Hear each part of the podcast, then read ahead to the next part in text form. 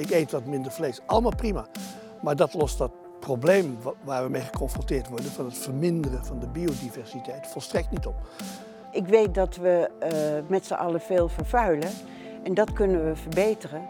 Maar dat daar het hele klimaat door verandert, daar geloof ik niet van. Ik denk dat wel vaker in de geschiedenis uh, het klimaat is veranderd.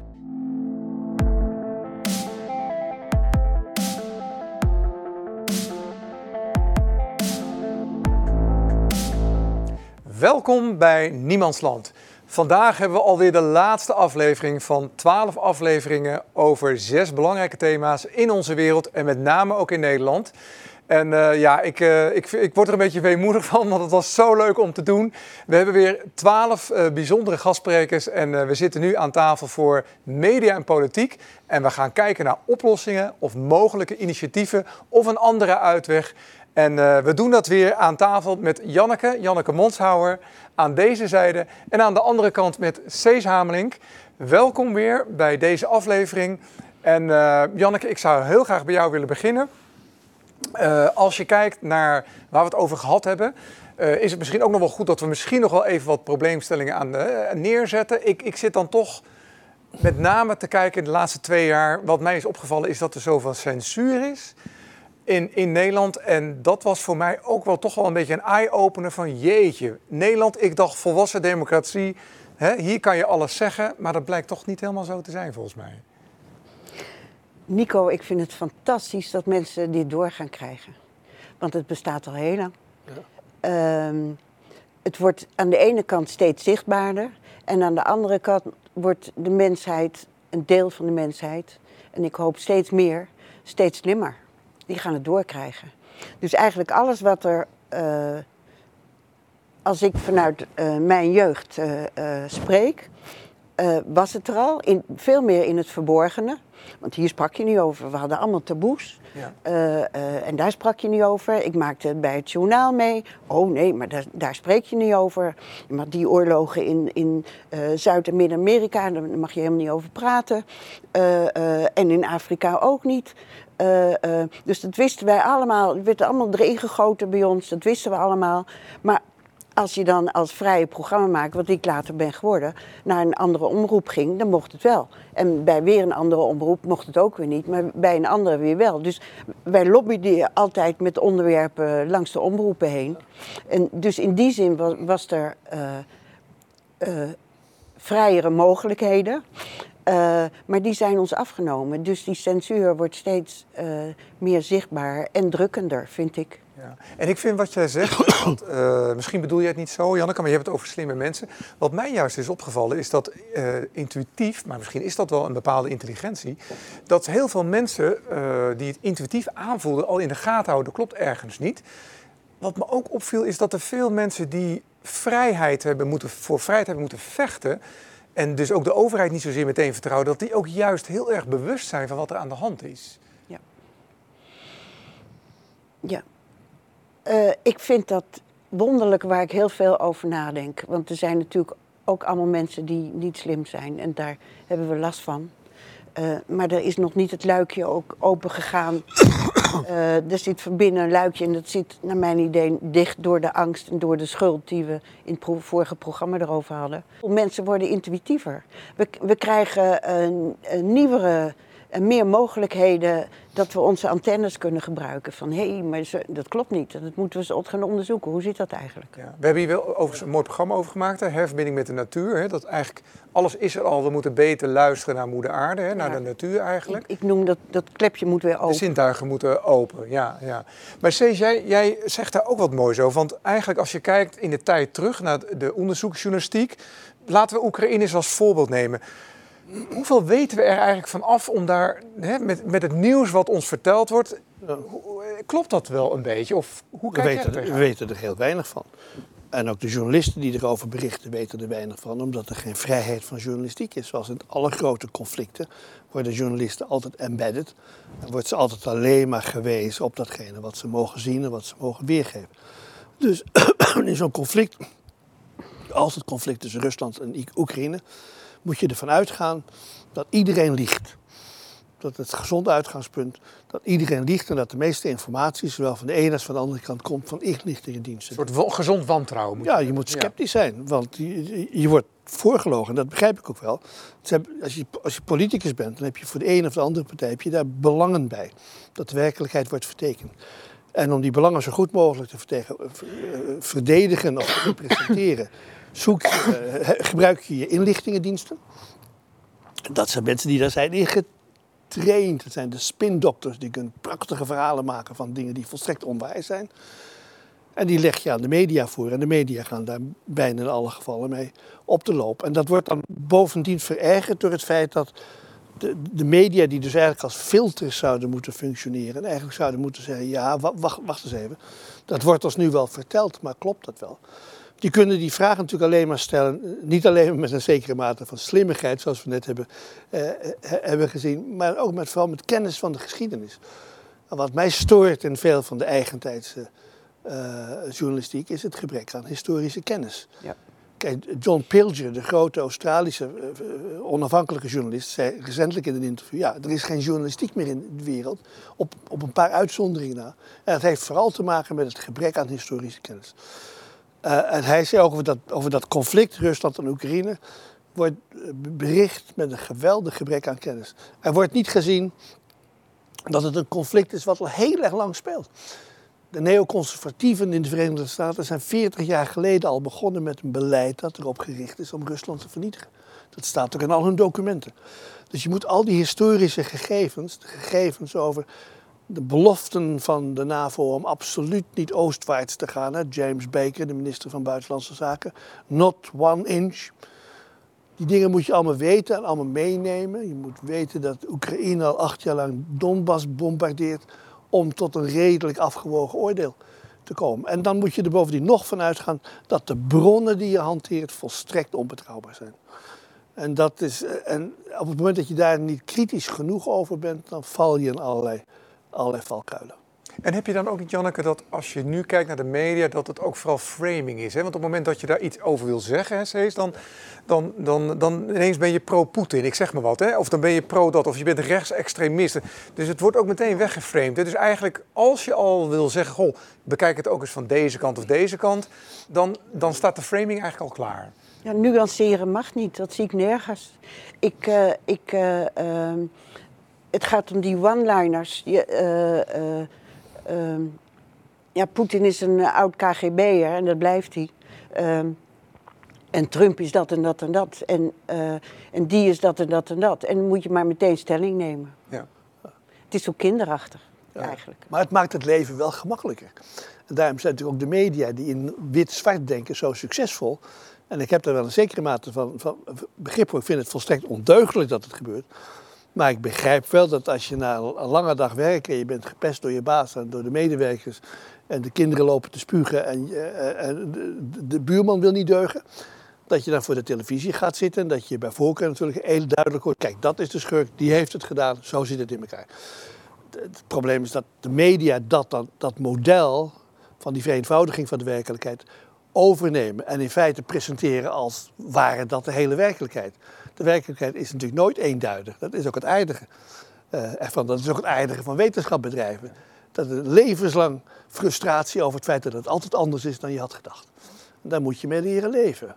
Vaak weten we ook later pas dat de wetenschap, hè, die verandert natuurlijk ook elke dag, dat we dan twintig jaar later zeggen, goh, maar dat was toch niet zo goed. Nou, 15 jaar, de, de Lancet, een gezaghebbend medisch tijdschrift, heeft een paar jaar geleden een studie gepubliceerd waaruit bleek dat medische resultaten van medisch onderzoek vaak na 15 jaar heel, heel anders uitzien. En dan wordt ons aangeraden om, weet ik wat, melk te drinken of zo, om veel eieren te eten of zo. En dat wordt dan wetenschappelijk onderbouwd en dan 15 jaar later blijkt dat dat volstrekt niet klopt. En dat gaat natuurlijk wel, en ja, die informatiestroom gaat dus steeds sneller, hè? we veranderen ook ja, snel. Ja, ik, uh, uh, het doet me denken aan, aan het punt ehm, toen ik, uh, uh, ik ben opgegroeid in, in een buurt aan de rand van uh, mensen die het heel goed hadden met grote huizen en mensen die het helemaal niet goed hadden met hele kleine huisjes. En mijn moeder was een kind van een ondernemer en die bezat dus een aantal kleine huisjes en moest ik huur ophalen. En ik zat altijd te kletsen met die mensen, die werden mijn grote vrienden. En die waren politiek veel zelfstandiger en zelfbewuster dan, dan mijn ouders. Mijn ouders lieten zich uh, door de dominee en door die allemaal oren aannaaien.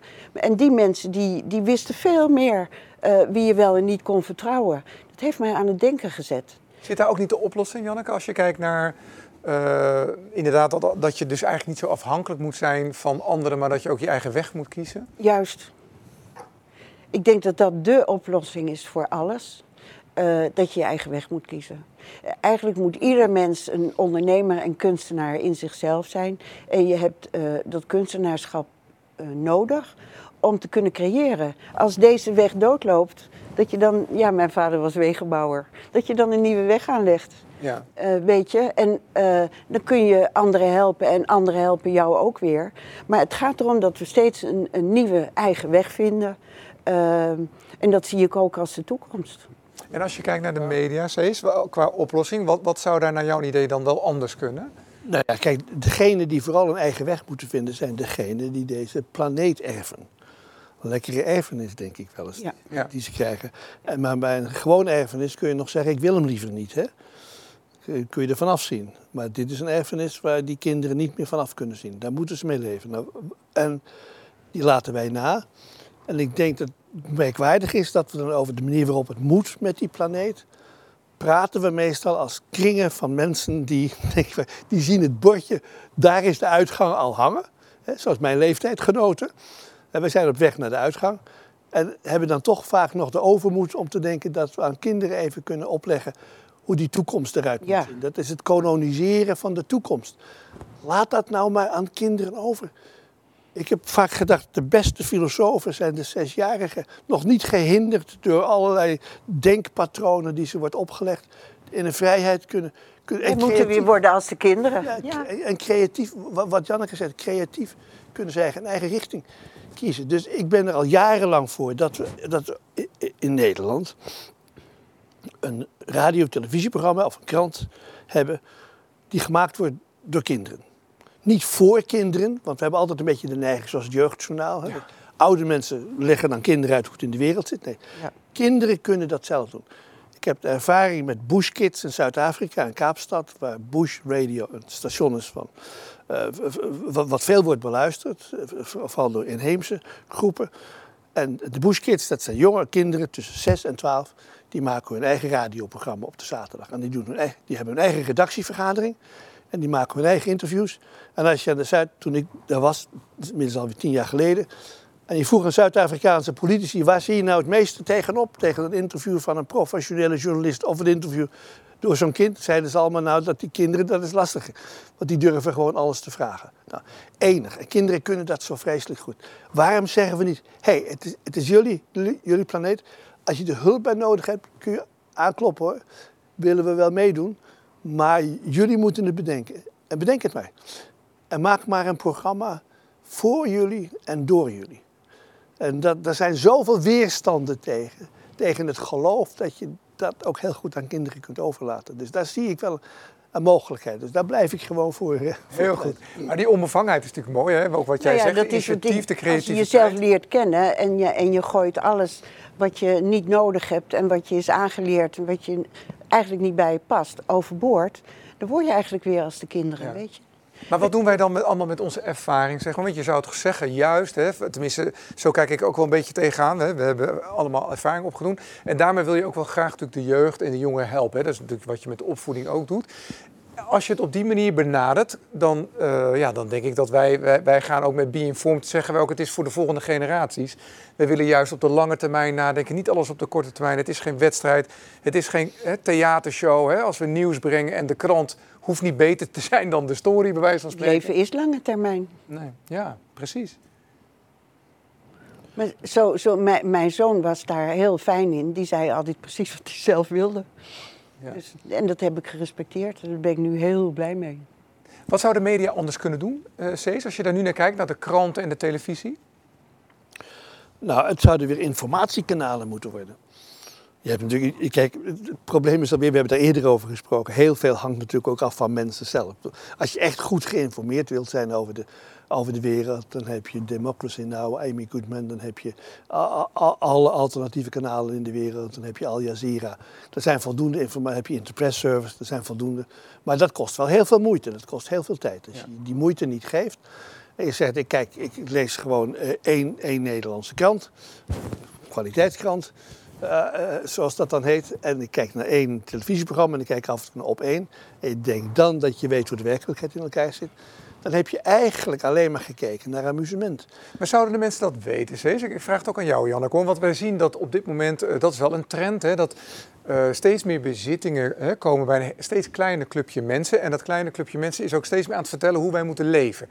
Uh, dat vind ik wel op zich wel heel opmerkelijk, want dat zijn ook de mensen die geen belasting betalen. Hè, die doen helemaal niks aan, het, aan eigenlijk onze voorzieningen, aan onze infrastructuur, helemaal niks. Wij zijn hun slaafjes, ja, maar sorry, gaan, ze, ze zitten ons wel te vertellen hoe wij moeten leven, hoe wij moeten zorgen voor het klimaat, wat we allemaal moeten laten. En vooral ook dat wij ook vooral wel belasting moeten betalen.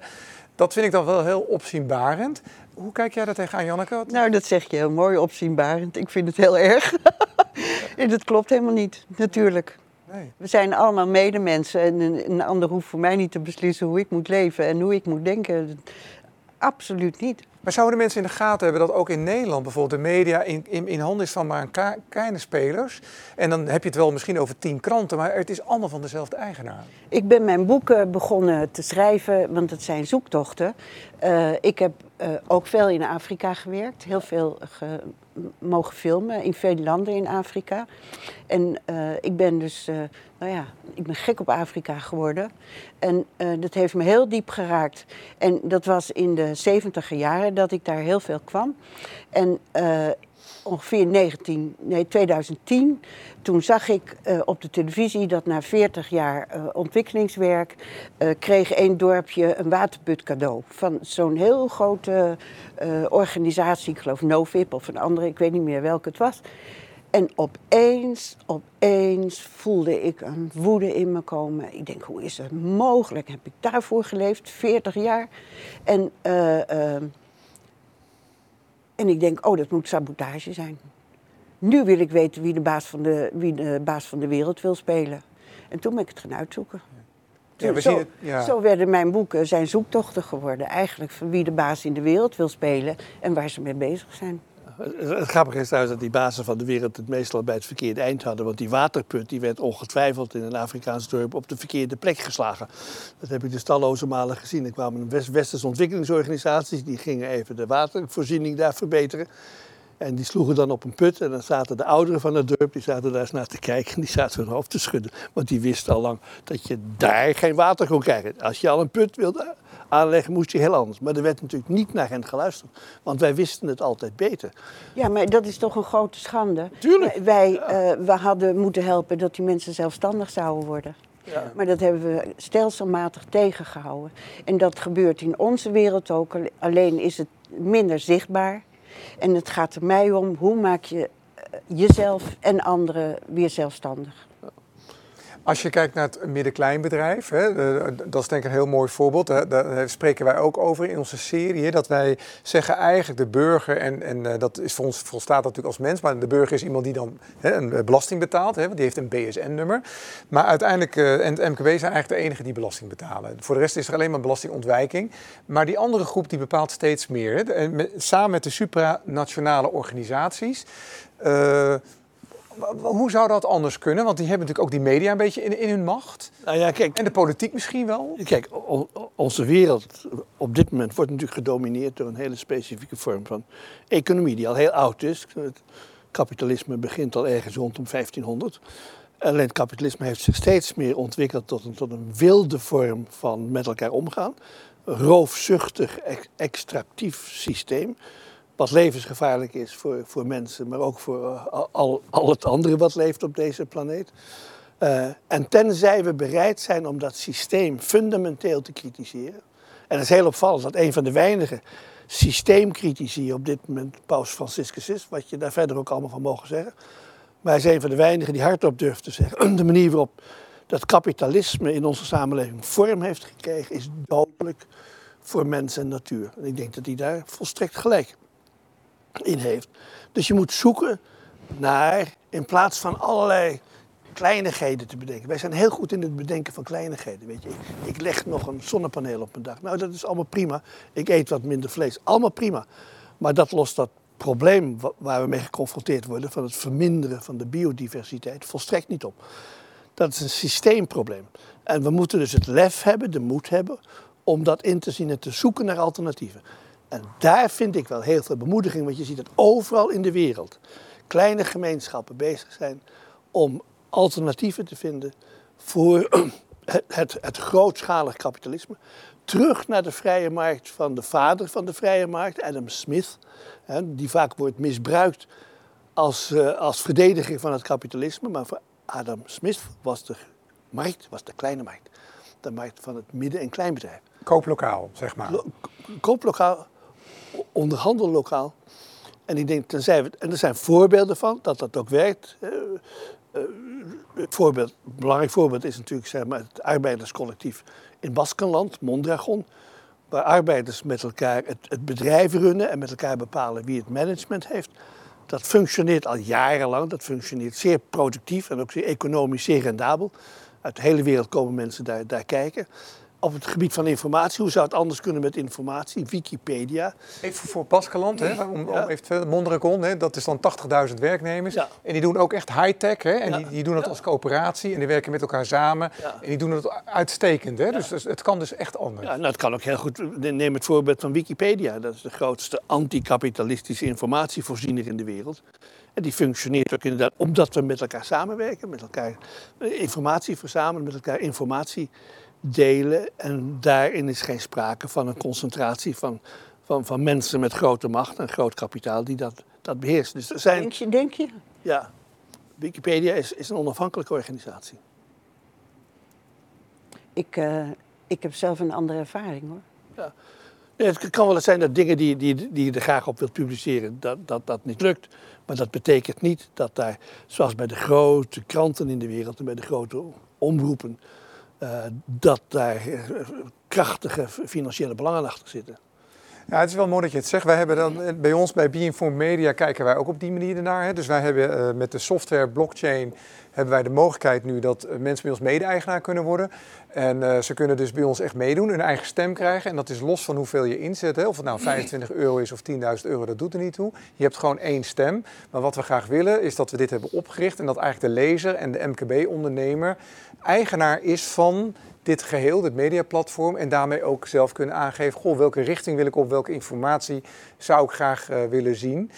Uh, ik, ik, ja, dat, ik denk dat dat een goede weg is, maar uh, het is natuurlijk ook afhankelijk van hoe je wordt geïnformeerd. Ik ga even naar jou, Janneke, want ik, volgens mij kan je daar iets heel moois over zeggen.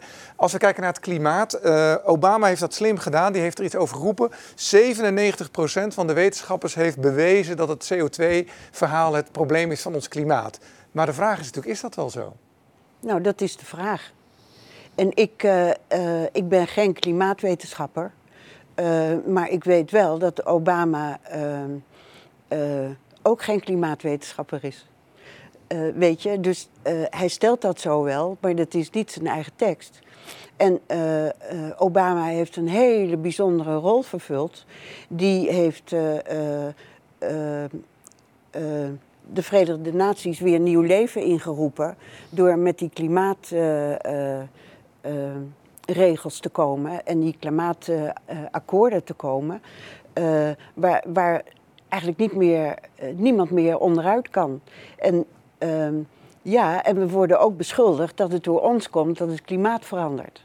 Ja. Is dat nou wel zo, weet je? En ik weet dat we met z'n allen veel vervuilen. En dat kunnen we verbeteren. Maar dat daar het hele klimaat door verandert, daar geloof ik niks van. Ik denk dat de natuur veel groter is en een deel van de kosmos is. Uh, uh, en dat wel vaker in de geschiedenis uh, het klimaat is veranderd. Ja, ik denk ook dat wij, wij kijken er ook een beetje zo naar dat het ecosysteem wat anders is dan, dan klimaat. En wij willen ook graag de ecosystemen terug in balans. Ik daar, zit er, daar is het echt mis. Ja. Dat zien we om ons heen. Hè. Kijk maar wat wij vervuilen. Ik als ook, maar ze moeten het niet op één hoopje gooien. Klimaat is denk ik wat anders. Ja. klimaat is wat anders. Het klimaat is door de eeuwen heen altijd veranderd. Maar het, het, kan wel zijn dat dat nu heviger is dan eerdere periode van de geschiedenis. Daar wil ik vanaf zijn. Maar wat het, het, het, belangrijke van het hele debat natuurlijk is dat over de natuur, over moeder aarde, moeder Gaia, hoeven we ons geen zorgen te maken. Nee. Die redt zich wel. Precies. Die is krachtig genoeg. Waar het om gaat is of dat, dat hele kleine groepje wat tot de menselijke soort behoort, of die het redt. En daar doen we wel ons uiterste best, vind ik, om zo hard mogelijk naar de uitgang te rennen met elkaar. Nou, ik merk een beetje, uh, Cees, hè, als je het dan hebt over kapitalisme, hè, want er is ook communisme, er is natuurlijk van alles, daarvan kun je van alles van vinden. En het gaat ook niet om voor of tegen. net wat jij zegt, het is wel goed om je goed in te lezen en te kijken waar hebben we het over. En dan vind ik ook wel, met, zeker met dit soort dingen, van uh, ja, we moeten ons wel iedere keer de vraag stellen van is dit nou lobbywetenschap? Uh, is dit marketingwetenschap? Ja. dat klimaat, willen we zo nodig dat vertellen omdat een kleine groep mensen dat goed uitkomt. Want dan kan je natuurlijk je fossiele brandstof en alles wat je nog hebt, kan je lekker goed uitverkopen. Ik denk dat we dat nu terugzien. Hè. We hebben, ik geloof, een cocktail van uh, eh, 10 tot 11 crisissen. Maar al die crisissen, al die mensen die dat zeg maar roepen, die verdienen daar een vermogen aan op dit moment. We kunnen het niet eens uitspreken. En over onze rug hoor. En over onze rug, want wij betalen het dan weer. Sterker nog, ik ben bang voor onze kinderen, die gaan dat terugbetalen met belasting. Wij betalen het als MKB en onze kinderen als belasting. Ja, maar dat hoort gewoon bij elke crisis. Bij elke crisis moet je afvragen wie profiteert ervan. Ja. Er is nog nooit een crisis wie betaalt, wie betaalt, de oplossing? Ja. Maar de oplossing zou denk ik dan daar zijn, dat, dat we, want daar zijn we een beetje op aan het zoeken, hè, van uh, kunnen we de informatie vinden of moeten we niet inderdaad wat gaan doen om die informatie beter bij de mensen te krijgen? Of, of ligt het toch nog anders? Ik doe op mijn manier mijn best om mijn informatie uh, zo goed mogelijk uh, te vergaren, dus bijeen te krijgen en weer te geven in mijn boek. Een ander doet het weer via andere kanalen. Ieder, ieder vogeltje zingt zoals die gebekt is. Uh, ik, ik, geef ook lezingen, uh, maar ehm, andere mensen kunnen, kunnen besluiten om het wel of niet te lezen. Of iedereen is vrij. We, we en ik geloof dat we mensen daarin ook vrij moeten laten. Ik, ik ben geen hoe noem je dat? Geen zendeling of missionaris. Ja. Uh, maar als iemand de informatie wil, dan, dan moet het ergens kunnen liggen. Ja. Dus dan kunnen ze ook putten uit mijn boeken. Zo heb ik weer geput uit boeken van uh, Anthony Sutton uh, ja. en Justus Mullins. Een hele grote journalisten vind ik dat. En er zijn zelfs journalisten uit het begin van 1900... en die ook vertellen over eh, hoe de eh, Federal Reserve is, eh, is opgekomen in Amerika. Dus eigen, het, eigenlijk het bankensysteem wat wij ook hebben met de Nederlandse bank. Um, maar ook hoe de Eerste Wereldoorlog begon. en het vermoorden van de tsaar, weet je. Ja. Goede dossieropbouw ook van... Ja. Het is zo ontzettend goed om dat te weten. En die boeken zouden ook vertaald moeten worden in het Nederlands. Ja, mooi dat je zegt, Janneke. Ik, ik ga even terug naar jou, Cees. Want zoals het, uh, jij heeft het over zingen, dansen. Daar heb jij ook wat over gezegd, uh, Cees. Hè? Ik zie dat jij een heel mooi stuk voor je hebt liggen. Ja, dat is, uh, dat is, dat is misschien wel ook een weg naar een oplossing, toch? Ja, ik denk het eigenlijk wel. Want ik, het is een stuk wat ik graag met mijn band wil gaan, gaan spelen. Prachtig, prachtig lied van George Gershwin en Ira Gershwin, de, de, grote componisten en tekstschrijvers. En de tekst zegt eigenlijk, naarmate ik de krant meer lees, begrijp ik er steeds minder van. En we moeten ons goed realiseren dat dat zijn allemaal dingen die voorbij gaan. Radio, televisie, kranten en zo. Het zijn allemaal dingen die voorbij gaan. Wat niet voorbij gaat, is de liefde. Our love is here to stay. En eh, ik vind het heel belangrijk om vast te houden dat, dat er bepaalde elementen in het leven zijn, die zullen er waarschijnlijk altijd zijn. En die moeten er ook altijd blijven zijn. Maar het is vooral belangrijk om die in een artistieke vorm te willen overdragen. En ik heb heel vaak gedacht dat de redding van de mensheid is toch ook weer aansluitend bij wat Janneke eerder zei. Mensen moeten onafhankelijk zijn, moeten hun eigen weg kunnen gaan, moeten creatief kunnen zijn.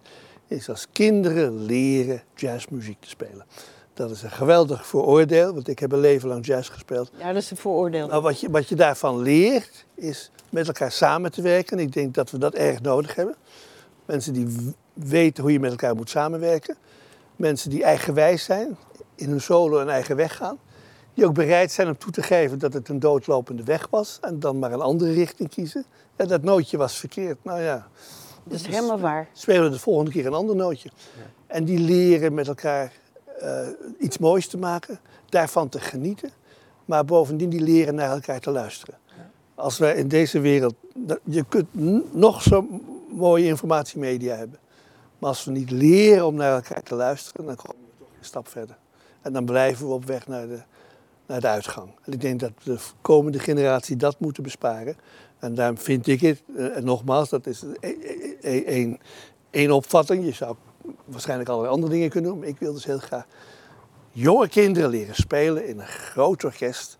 Met z'n achttiende muziek maken en naar elkaar luisteren. Daar worden het andere mensen van.